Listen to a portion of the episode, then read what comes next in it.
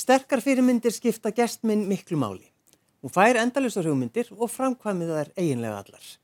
Gestur minn í okkar á milli er Margret Jónsdóttir Njarvík.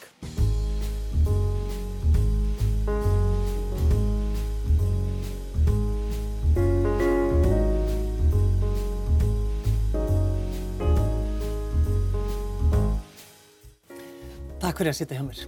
Takk fyrir að bjóða mér. Hefur þú alltaf haft trú á sjálfið þér? Alls ekki.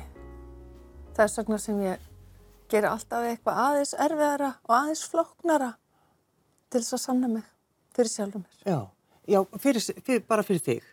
Já. Já. Hver er þín fyrirmynd í, í lífinu?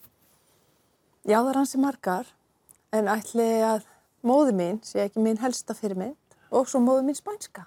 Það er þess að tvær stóru konur í lífið mín. Já, ég var að tala aðeins um uh, mömmuðina. Já, Kristínu Njarvík heitna. Mm. Það eru einmitt næstu því liðin tíu ár frá því hún fjall frá.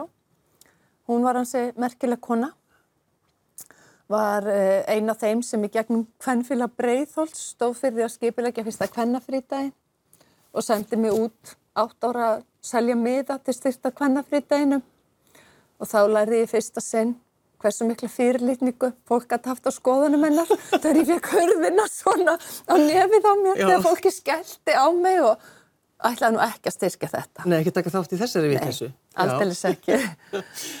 og svo þegar ég er yngst af sex sískina og brátt hefur maður mikið nóg að gera, hún var mér forvitin kona, rosalega flink í tungumálum, þá fer hún í öldungadeildina, klárar hana, millir þessum þá er hún búin að fara í leysúmanarskólan, stopnaði leysúmanarfélagið og það var rosa sterkt gengi af mjög öflugum konum sem fóru úr MH og upp í háskóla og auðvitað var þetta enginn smá fyrirmynd eh, á þinn tíma sem konur á, á okkar aldrei fóru kannski að vinna í hagköpum. Já, einmitt. En Þannig, það er aldrei aðra leið. Þannig hún, sko, hún leti ekkert stoppa sig? Nei. Ekki frekar en þú? Nei, kannski ekki. en sko, e, ef við nefnum aðeins hvernafrítæðina, því að þú varst að reyna að selja merkið með hana, manstu vel eftir þessum degi? Já, eh, þessi dagur var þannig að ég skildi fyrsta sinn munin á því sem er ofinbert og, og enga mm. því að ég var vön því að aðalhegi Bjartfriðsdóttir sæti í eldursun heim hjá memmu það voru mjög mikla trúnaðvinkunar reytti síkaretu og drakk kaffi og þarna sem ég sá ekkert upp úr mannfjöldanum þá stendur aðalheiður og heldur sína fyrstu ofinberu þrjumur ræðu á lækjatorki mm. Og þarna sá ég hvað þær voru að gera í eldursunni heima, mamma og hún. Þær voru bara að tala um hluti sem skipti máli. Heldur betur, það voru með rákubildingunum eldursunni. Þú talar um það að hún hefði ekki stoppað óheimuskapin í þér. Nei, Nei. því miður kannski sinna. þú sér svolítið, þú sagði, já, hún hefði kannski átt að gera það, eða hvað? Ég þurfti kannski að reyka með nokkur sinnum ítla á í lífinu til þess að læra það sjálf og kannski er það líka ágætt. Mm. Uh, því að með því að hafa óheimuskapin með í för þá, þá rakið mig á og lærið af mistökum því að þú lærir aldrei á annar manna mistökum. En ég vissi líka að það voru ekki hindranir. Hindranir voru inn í höfðin á mér. Það var gott við að næsta fá. En varst, varstu stundum skömmuð þannig? Þú veist, voðalur óheimuskapur er í þeir eða eitthvað slíkt eða já, bara... já, já, eh, mamma og pabbi skömmuð mig ekki. Mamma fannst þetta alltaf fyndið sko, en það var frekar í skólanum sem þurfti að hafa heimil á mér. Já Og, og þú hefur kannski hugsað, já, ó, ég vildi verið settlegri. Jú, stundum. Já. Það vildi ég það. Lítur á þig sem frumkvöðl? Ég var færtu þegar ég fattaði það. Ég uppgöttaði ekki að ég væri frumkvöðl þegar ég var færtu. Þá var ég búin að stafna félag á homunum heimafæðingar, ég var búin að gera breyta öllin ám í spænsku í Háskóli Íslands, þar sem ég var yfir spænsku náminu Ég hef búin að gera fullt af hlutum en ég skildi ekki að ég væri frumkvöld því að þegar þú segir orðið frumkvöld þá heldur það að sé einhver sem er að stopna eigin fyrirtæki en það eru svo margi frumkvöldar innan fyrirtækja og stopnana og bara í eigin lífi. Já. Já. Þannig að sko var þetta þannig að varstu endalist og ertu þetta endalist að fá hugmyndir? Því miður. Já. Verður þú ekki stundum bara þreytt á þessu? Jú, ég vildi stundum fá aðeins færði hugmyndir því að lífið væri miklu þægilegra því að ég fæ þetta auðvitað í hausin á mig því að ég framkvæmi þar alltaf margar kannski. Já, já. Hvað, aðeins með heimafæðingarnar, var það þá eitthvað, hvað, akkur varst að gera það? Ég það bara, ég fekk áhuga á því, sko, og, og við skrifum bókum með fæðingarsögum hvenna, konum einni útvikkum fæðingarsam og, Jú. og síðan stopnaði ég að fela áhuga mennum breytingarskeiði, þannig að einhvern veginn koma þessar hugmyndi til manns og, og þú finnur hvað vantar í þjóðfélaginu og finnur, það er náttúrulega enginn sem berst fyrir réttundum fæðandi hvenna því það eru bara barsafandi nýjum mánuði og eins er það með breytingarskeiði, það var sem betur fyrir ekkert mjög lengi. Þannig að þetta eru svona atrið sem ég hef fengið áhuga á í lífinu.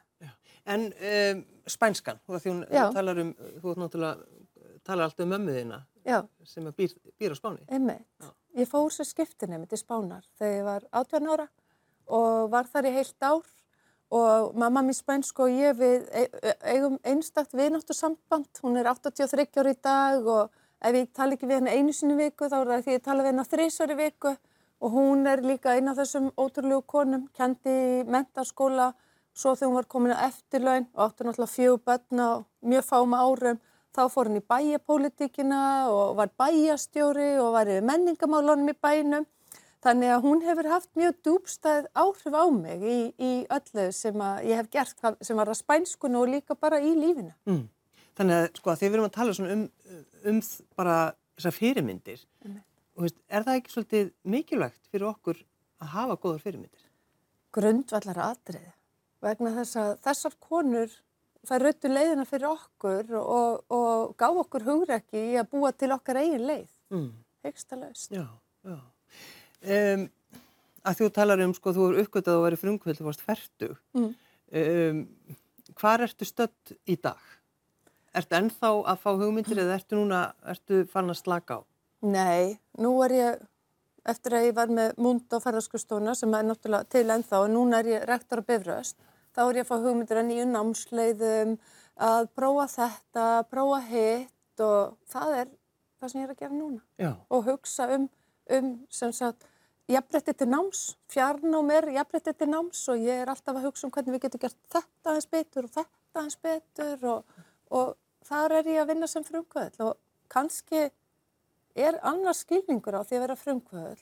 Það er kannski svo hæfileiki að vinna þín verður alltaf áhugamálið þitt og þið finnst svo gaman í vinnunni að þú veist ekki hvernig þú ert að vinna og hvernig þú ert ekki að vinna. Mm. Það er held ég eina guðskjóna sem ég hef fengið. Sko, að vera rektor Mm. uh, á Bifröst, var þetta sko, sóttustu, uh, sko, vildur þú fá þetta starf? Var þetta alveg bara, var þetta draumur þinn? Sko, ég var í akademið frá 95 til 2011 og, og þá stopnaði ég ferðarskrifstofun á Mundo og held að ég ætlaði aldrei aftur að fara inn í háskóla. En svo var potað í mig og mér var bent á að þetta væri nú eitthvað fyrir mig vegna þess að ég er auðvitað borgfyrringur, fæði minni fættur og síðunni. Já, þannig að það skiptir máli? Já, Já. það skiptir máli, það skiptir máli að þetta er, er, er héræðið mitt og ég þekki alla þar og, það, og ég, það blundaði í mér. Því að ég hafði, þegar ég var í HR þá voru svona uppi sa, saminningar viðröðið millir HR og bifrastar og ég man að ég hugsaði, þegar ég átti að hugsa bara um hagsmunni HR, þá hugsaði ég, látið mig bara hafa hennan háskóli, ég skal gera hann flottan. Og svo gerist það, því að maður þarf að passa sig á draumunum, sko þeir rætast alltaf. Já. Þannig að þú ert bara lifandi dæmi um það. Þannig að Já, þú ég er að passa þig, þú mátt ekki tala svona upp átt. Nei, ég veit það. En má ekki segja sko að, að Háskólinn á Bifröst Já. sé bara í farabróti í sambandi við uh, fjarkenslu. Að hegsta laust. Alveg á þess að það þarf Skólinn ekkert að... hefur verið í tæpan alda fjórðung með fjarnam Mm. og byrjaði að gera öll mistökin sem maður gerir og við gerum ennþá mistök. Það er bara, maður, þú ert alltaf að þróa þig áfram en það er svo ótrúlegt að nefndunir okkar, þeir eru ánægast með skipulaði því að hver hefur ekki allir að gera jók á netinu og hætti síðan að gera jók á netinu allir, Já. en nefndunir okkar útskrifast og við erum ekki með lægra brottfall en Háskóli Íslands til dæmis og það er út af einhverju og svo segja nefndunum er að námi sér svo persónlegt og þeir eru fjarnámi Um, eitthvað er það? að gera rétt Hvernig getur það verið? Já, við, við erum til dæmis með það kerfi að nefndi þarf einungis að hafa samband við eina mannesku sem leysir allt fyrir það og það skiptir rosalega miklu máli að þú upplifir að einhver heldur utanum þig og þegar við sjáum til dæmis að nefndi hefur ekki verið virkur inn í námskeiði þá fær hann síntal Já. bara hvað er þú að gera á hérna? Já,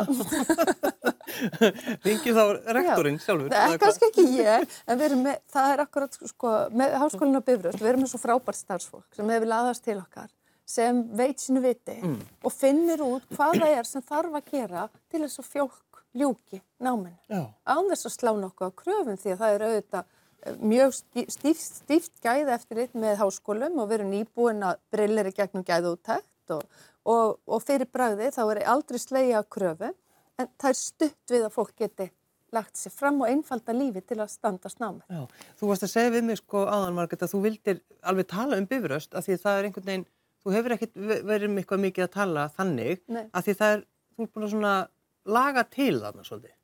Já, sko, við þurftum að vinna mikið í gæðamálunum og ég hef heila verið lókuinn á skrifstofu í 25 mánuði að vinna í þeim og nú erum við tilbúin, við erum búin að gera það sem gera þurfti og þá, þú getur aldrei tala mikið ef þú hefur eitthvað að fela, en við höfum bara nákvæmlega ekkert að fela og, og fjármálun eru koni gott lag og það er bara svo mikil kraftur, það, það er svo mikil kraftur í háskólanum að bifra. Mm. Það sem það vil ég tala um. Já, um, en þegar þú byrjaðir allt í einu að sko draga alls konar konur Mm. Uh, að, að ganga Jakobsvegin og það var einhvern veginn þannig, þú veist, það var svo mikið, mikið læti í þér, þú varst svo æst að, að segja okkur frá þessu öllu saman að maður var stundum bara þreyttur. Hvað var það, þú veist, af hverju vilt, af hverju vilt að, við, að við göngum þennan, þennan veg? Sko, kannski af því hann hefur gert mér svo gott og ég er orðin líkamlega og andlega háði að fara Jakobsvegin á hverju ári. Og því eftir því sem líður lífur áfram, þá er oft eins og líkam og sál, það myndist einhver fjarlæð á milli þín og þín. Og þegar þér auðnast að einfalda lífin er í að ganga, borða og sofa, þá einfaldur líka sambandið þitt við sjálfa þig og þú nærð heim til þín og þú nærð að tengja líkam og sál. Ég er ekki að segja að, þetta sé eitthvað svona alvarlegt eða patologíst eða neitt þess að það, en bara það að ná að tengja sjálfum sér og vera í náttúrunni og vera í félagskap, það sem er haldið vel utanum þig, það bara hefur gert svo mikið fyrir mig og ég hef séð svo mörg kraftaverk og er ekki að vera að, bara þetta að fara í heilsubúðir þar sem þú kemur heim í miklu betra formi, miklu ánæðri. Hvað er þetta að hugsa sér betra? Og einhvers konar sjálfskoðun þá væntanlega líka Jú. fyrir gang? Jú, En uh, Margrét, þú ert að uh, vinna líka bara í, í sjálfu þér já, með sálgreiningu. einmitt. Segðu okkur eins frá því. Sko, ég tók doktorsprófið í Princeton og það þurfti ég að kenja sjónvarpserju þar sem aðal persóna var sálgreinir frá Buenos Aires. Já. En Argentín er mekka sálgreiningar í heiminum. Og svo gerist það í COVID að ég les bókin hennar Sæjuna Kjartansdóttur um móður sína og ég hafði hugsaði bara, já, vá hvað mér langar í sálgreiningu af því að Sæjun er eina af þessum flottu fyrirmyndu fyrir okkur hinnar konurnar. Og ég hugsaði, já, nú er hægt að gera þetta í gegnum netið. Og nú er ég í sálgreiningu í Argentínu. Og mér finnst það frábært. En ertu þá hvað að bara vinna, Já, bara skoða sjálfa mig og ég nota þetta líka sem svona stjórntæki. Það er að segja stjórnenda uh, þjálfun því að ég er, það er mjög kallt á toppnum, þú ert eina reyka heila stopnun og þú ert að leysa úr ymsum málum. Þannig að einu sinni viku hitt ég minn sálgreini og stundum sinni ég sjálfri mér og stundum sinni ég málum sem kom upp í vinnunni og mér finnst þetta dásamlegt að hafa svona handleiðslu fá svona fjarlæð á sjálfa mig, skoða, greina og reyna að vera aðeins betri. já, já. Er, er fólk eitthvað svona uh, pyrrað út í þig að því þér gengur svo vel? Nei, nei, ég held ekki. Nei. Það er kannski akkurat það sem er hel- helst að uppspretta minna gleði, hvað fólk er skemmtilegt og jákvæðið og frábært. Mm. Svo hittur ástina, En haldón minn, já, já. og þú ert bara, þú ert voð mikið að tala um ástina. Já, það er ekkert sjálfsagt uh, þegar fólk skilur eftir 30 ára að hitta annan maka og að hitta sálufélaga. Og það var mitt lán. Það var það sem gerðist, þú já, hittir sálu já. félagin. Vissur það strax eða? Sko, við skrifiðumst á 300 blaðsögur áður en við hittust í personu. Og 300 300 blaðsir. blaðsögur sila. Ég segir þetta í trúnaði. Já, ég heyri það. og, og þegar ég heitt hann loksins, þá þurfti ég bara að tók hvort hann ilmaði ekki vel og, og passa í fangja mér. það var það eina. en varstu sko, að því að þú veist, að bara gangi ekki um skilnað þegar maður er búin að vera Já. saman öll þessi ár. Já. Og uh, varstu sko tilbúin að finna ástin aftur eða hugsaður bara þetta er búið? Sko, ég held að myndi, geti enginn elska mig. Ég var alveg viss um það. Og svo er alltaf sagt að þú þurfir að vera ein í einn mánu fyrir hvert ár sem hitt sambandi varði. Já. Og það passaði svo litið að, að 30 mánuðu síðar hitt ég hann halda. Já. Það er kannski alveg hár rétt. Þá var ég tilbúin en ég var ekki að leita. Sko lífið þitt, er það, er það, er það flókið, Margrét? Nei, mér finnst það ekki. Mér hefur tekist að einfalda líf mitt mjög mikið því að nú er ég ekki lengur með smábarnasúpu, foreldra mín eru fallinni frá, þannig að, ég er bara að sinna vinninu minni vel og vera góð vinkona barnana minna og tengda barna og stjúbarna og leika mér. Það er ekki flóknara. En nefnir á þrjú heimili, það er svolítið flókið. Eh, ekki að þú skipuleggur þig vel. Ef þú átt góða morgustundir þar sem þú skipuleggur þig og hefur eitt heimili sem svona miðstöð alls, þá verður heitt bara leikur einn og gera það fjölbreytara. Já. Þú ert náttúrulega alltaf að keira á myndli, eh, Margrét, og uh, þú lendir í bílslýsi. Einmitt. Viltu aðeins tala um það? Kanski það var alvarlegt og hefði getað farið mjög illa ef ég hefði ekki verið á mjög góðum bíl og uh, ég verð góð uh, en þetta situr í manni að nálgast það að það verð ekki annar dagur Mm. og uh, þakklætið er óendalegt og það, það var leksjan sem ég fekk að sérkvæð dagur sem ég lifi er dagur sem ég skipuleg vel og nýt til hins ídrasta og, og þá uppgötta maður líka hversu mikilvægt er að vera með góða heilsu. Mm. Þú veist, eini bílnum eða ekki? Jú, Já. Og bílinn fer út af og það líður yfir þig. Jú, einmitt. Finnst þér erfitt að tala um þetta? Um, já, stundum finnst mér það vegna þess að, að eh, þess að það kom bíl á móti mér og fór beint framann á mig og fullri ferð og ég var að reyna að fara út af en ég náði því ekki. Og, og uh, því að þegar hurð skellur svona nærri hælum þá er, er, er ákveðin úrvinnsla sem er nöðsynlega og ég hef verið að sinna henni sko Já, og vegna þess að nú keiri ég alltaf þessa leið aftur og aftur og, og það verður auðveldar í hvert skipti. En þetta er áskoran. Já. Og þú varst náttúrulega að tala við eiginmanniðinn þarna þegar þetta gerist? Jú, einmitt. Var, þetta var erfiðar að örgla fyrir hann sko því að ég var með hann í handfrjálsabúnaðinum og, og ég er að tala við hann þegar hann heyri bara skadræðis óp, svona þetta frum öskur, svo bara þögn og appið á bílinn dettur, eh, dettur út úr appinu. Þannig að hann veit ekki neitt og, og ég er náttúrulega meðundutalaus og, og, og í tíu mínútur veit hann ekki hvort ég er á lífið eða ekki, skilur en þannig að það, það er mál fyrir hann sko. Mm. og svona er alltaf áfall. En allt sem að mæðir á það er líka mesta tækifæri í lífinu því þú velur hvernig þú bregst við því. Er það eitthvað sem þú hefur lært í gegnum þína vinnu með sálgrinni greiningunni eða er þetta bara... Og kannski bara líka því að þú, ef þú hefur mikið frumkvæði, þá ertu líka duglega að koma þér í vandræði og þá ertu líka duglega að koma þér úr vandræðum og þá læriru bara sér hver dagur, alveg svo velu hvað þú borðar í morgumat eða hvort þú borðar morgumat, þá velur viðþorðin fyrir daginn. Já. Það er bara þannig. Þannig að það er orðið auðveldara fyrir það að keira fram hjá Já. þessum stað. Heyrirðu stundum skellin þegar þú lókur Já, augunum? Já. já, já, já. Þetta er nefnilega, sko, fólk fattar það oft ekki að það er bara, getur verið erfitt að, að vinna úr svona hlutu. Já. Þeir sem hafa lendið í þessu segja þetta takir tvö ár og ég held að láta mér nærri Mm. því að það sem að sérst ekki utan á okkur og það, það er akkur þessi skilningu með mannskefnuna, það sem sérst ekki utan á okkur, það er kannski erfiðast að vinna með það. Já, já. Hver, hvernig sér þú svona framtíðina? Hvað ætlar að vera lengi á bifröst? Ég ráði til fimm ára, þannig að ég á eftir tvö ár.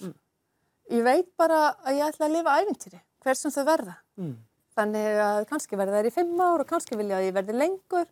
Það verður bara komið ljós á meðan mér finnst þetta skemmtilegt sem og er, þá er það aðalatrið. Og ég er á allt á mund og ég er með framkvæmtastjóra þar og ég get alltaf farið aftur þar og þannig að það verður ekki vandamáli. En uh, þetta alltaf að fá fólk með sér, þetta er svona, það er, maður þarf að læra slíkt, eða hvað, er þetta bara Sko- í eðli, eðliðinu? Nú ætlum ég bara að vera móttin. Já, gerðu það, þú mátt það. Ég held þetta er þinn helsti hæfileiki minn að fá fólk með mér. Já. Og ef þú sægir frangotastjórn bifrastara og allt þetta frábæra starfsfólk, fólki sem vill koma að vinna með okkur, mm. að því fólk finnur að það er eitthvað að gera og við erum að fara út fyrir bóksir og þá kemur fólk sem hefur frumkvæð og hefur eitthvað að segja. Því að ef þú hefur eitthvað að segja þá fær það að gera og það er svo skemmtilegt. Hversu mikilvægt er þetta að fólk komist í háskólan og þess að kannski þurfa að flytja með, með þú veist, fólki sitt og fjölskylduna sína og svona. Hva, hversu mikilvægt er þetta fyrir okkur sem bara þjóð? Þetta er jafnbrettismál. Við erum búin að ákveða að halda Íslandi byggðeksat og þá þurfum við að, og við erum öll sammálu um að það þurfa að vera goða samgöngur, það þarf að vera háhraðanett, það þurfa að vera flugsamgöngur, það þurfa að vera heilsugæslur. Við þurfum líka að muna að það er mjög stutt síðan að 5% íbúa í mörgum af- bæjónum umhverfis landi voru með stúdanspróf.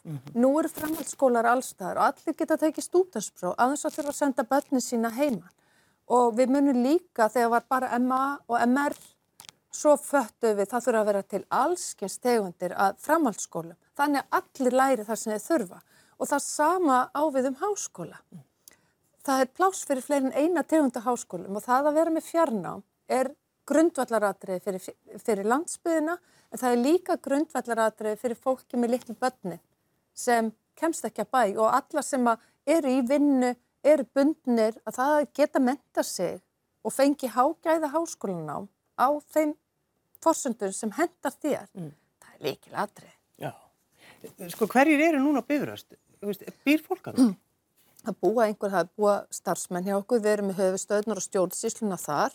Síðan eru einhverju nemyndur en þeir eru mjög fáir því að þetta allt námi okkar er í fjarnámi með staðlótum. Við lærðum líka í COVID-i að við viljum ekki, ekki hittast, við viljum koma saman, við viljum vinna saman því að um leið og hittir manneski personu þá hefur fórsundu til að þekka hana betur mm -hmm. staðis að vera alveg á netinu. En svo erum við með 100 manns frá Úkrænu hjá okkur. Fólk sem er í, í námi, við erum búin að búa til nám í íslensku og undirbúningsnám fyrir háskóla og ennsku fyrir fólki og þau eru hjá okkur og, og í allskins námi og við höfum hlúðvel að þeim og þetta hefur verið indislegt. Já, þau búa þarna? Já. Já, í manni mitt þetta var í fréttum og það var fólk Já. að koma með alls konar bara halva búslóð og alls konar hluti. Já, og það var svo fallegt. Já. Það er það dásanlega við Íslendinga að, að þeir komu og gáfu og, og svo þurfum við líka bara að passa okkur að gleyma því ekki. Því að það, það, svona fyrst þá eru gestalætin í okkur þá uh, vitum við, vitum við hvað það ætti að gera og svo gleymum við því og, og sama hátt er fara að rúna af tölu látina í Úgrænu. Við mættum alveg muna eftir því að það er alltaf að koma nýtt fólk til okkar. Já. Sko þetta er ekki flóttamannabúðir, heldur er þetta móttökustöð fyrir flóttamenn. Það sem við einmitt opnum faðminn og, og svona setjum tónu fyrir það sem kem, koma skal. Mér var sagt að, að þú lengir líf fólks með, Nei. jú, mér var sagt það, með galsa og, og, og, og vera svona, já, drífandi. Takk. Ertu sammálaði? Ekki að ég lengi að ég þetta er bara svo skemmtilegt fólksina. Það er kannski málið.